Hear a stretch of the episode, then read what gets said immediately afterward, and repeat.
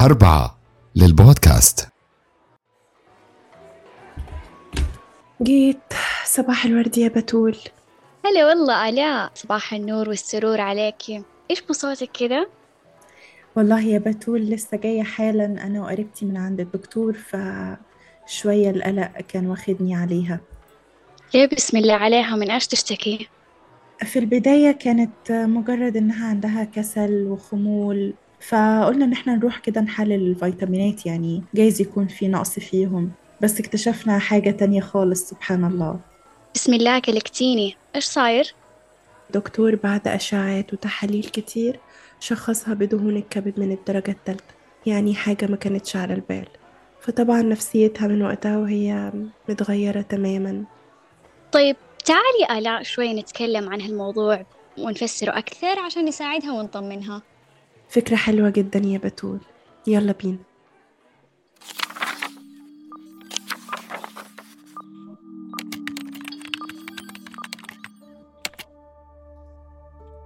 أهلا وسهلا بكم أصدقائنا المستمعين في بودكاست الخلاصة. أتمنى تكونوا بخير وحابة أذكركم بالاشتراك معنا في شبكة أربعة عشان يوصلكم كل جديد من حلقاتنا. اليوم بإذن الله حنكلمكم ببساطة عن الكبد الدهني. عشان كل فرد ينتبه ويحمي نفسه منه. الكبد الدهني هو باختصار تكدس الدهون في خلايا الكبد ولكن بصورة مرضية بحيث أن خلايا الكبد تكون مليانة دهون لدرجة أنه ممكن تبقى الخلية على شكل البالونة ممتلئة بالدهون. بالظبط يا بتول. ونوضح أكتر إن مش كل شخص اكتشف بعد السونار إنه عنده دهون على الكبد يكون مريض كبد دهني. لا معظم الناس بيكون عادي عندها دهون ولكن لو زادت الدهون عن 5% ل 10% هنا بتكون مرضية. بمعنى إنها عملت التهاب في الكبد وساعتها ده بيسبب ارتفاع في إنزيمات الكبد يعني خلل في وظائف الكبد وهو ده اللي معناه الكبد الدهني. عارفة دائما بسمع بهذا المرض. أنا أعتقد إنه هو موضوع مهم جدا لأن حرفيا أنا أسمع عنه كثير بس ما جيت قرأت عنه وتعمقت فيه قد ما قرأت اليوم بحلقتنا. دي حقيقة يا بتول. عايزة أقولك أنا كمان مركزتش فيه أكتر غير بعد تجربة اللي حواليا معاه حلو جدا. يعني نفهم من الكلام إن السونار ما يقدر لوحده يحدد إن الدهون هذه عملت التهاب. ولازم فحوصات زي تحليل إنزيمات الكبد والسكر والدهون والتصوير بالموجات فوق الصوتية مع استشارة الطبيب طبعا المختص. بس يا آلاء إيش أسبابه؟ بصي هو في نوعين من الكبد الدهني. مرض الكبد الدهني الغير كحولي وده أكتر أشكال أمراض الكبد المزمنة شيوعا عند الأطفال والمراهقين. ومرض الكبد الدهني الكحولي.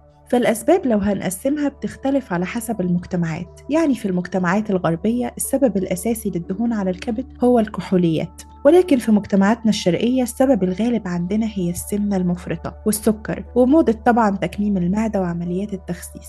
وهنا هنيجي نوضح إيه علاقة تكميم المعدة أو عمليات التخسيس بالكبد الدهني. نزول الدهون بكميات كبيرة جدا في فترات قليلة بيؤدي لتراكم الدهون في الكبد. يعني الشخص مثلا لما ينزل 7 ل 8 كيلو في الأسبوع ده خطر جدا على الكبد. أما النسبة الطبيعية لنزول الوزن تبقى حوالي من نص لكيلو في الأسبوع. وكمان انتشر مرض الكبد الدهني الغير كحولي عند الأطفال والأبناء اللي كلهم بيتجهوا لل fast food اللي مليان دهون مشبعة وطبعا دي بتأدي لتراكم الدهون على الكبد. وبالمناسبة دي كلمينا بقى عن أعراضه يا بتول. هو الصراحة مرض غريب جدا.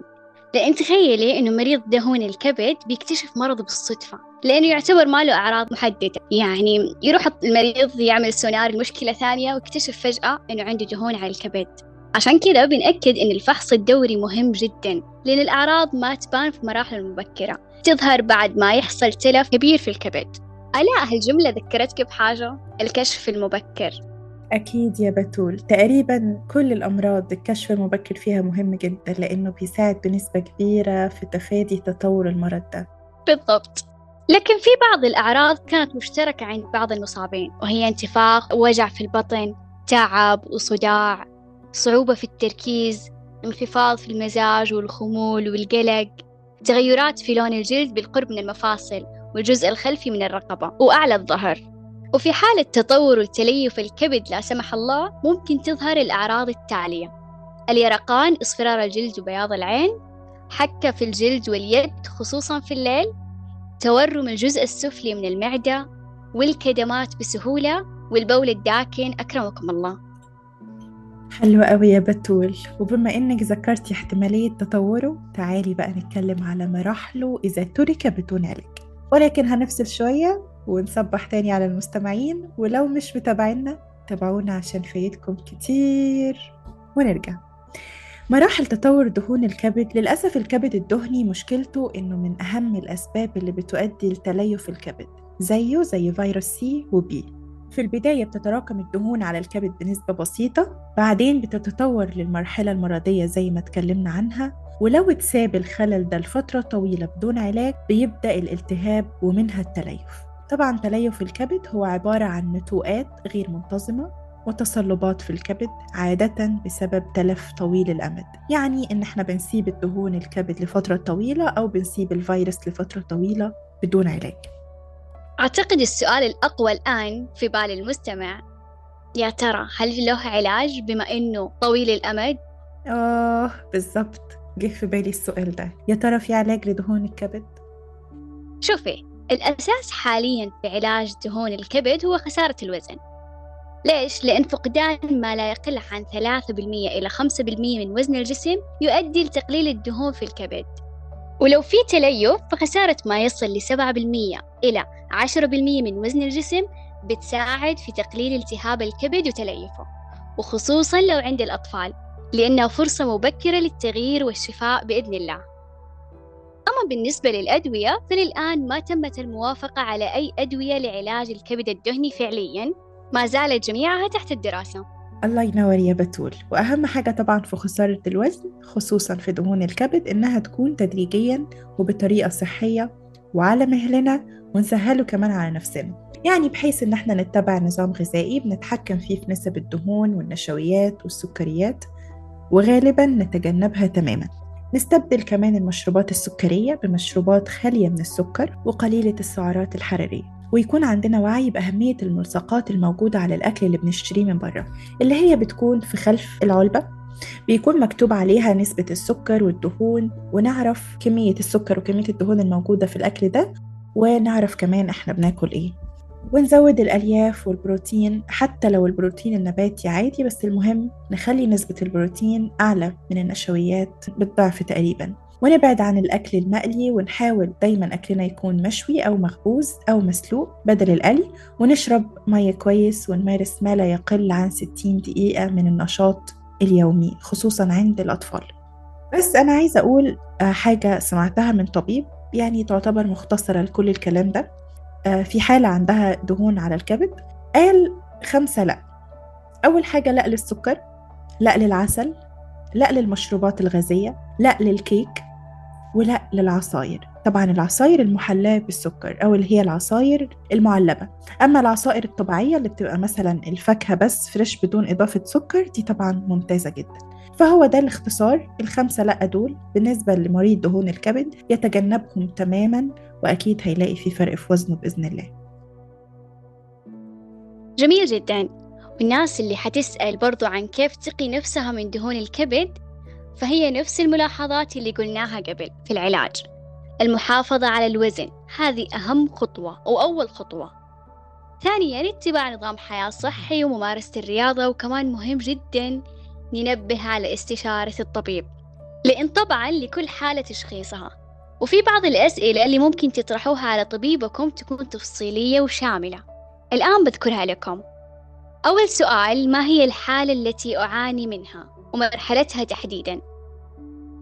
ممكن كمان نسأل ما هي أنواع التغيرات في نمط الحياة والنظام الغذائي اللي أقدر أنفذه؟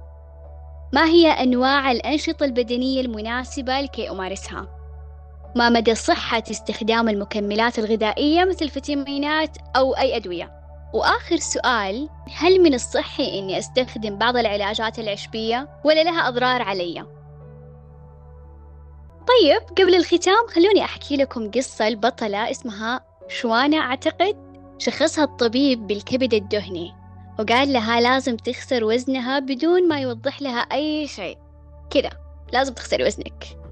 كان وقت صعب جدا عليها ما كانت فاهمة نفسها ولا فاهمة ليش ليش طلب منها هذا الشيء الدكتور وما وضح لها إيش هو مرضها أصلا أو من إيش تعاني. صارت تبكي وتحس بضياع وإنها مو عارفة ولا شيء غير عن اسم هذا المرض والدكتور قايل لها إنه بس اخسري وزنك. بعدين قررت تبحث بالنت ولقيت إن المرض ذا يؤدي لمضاعفات خطيرة وما قدامها كثير من الوقت.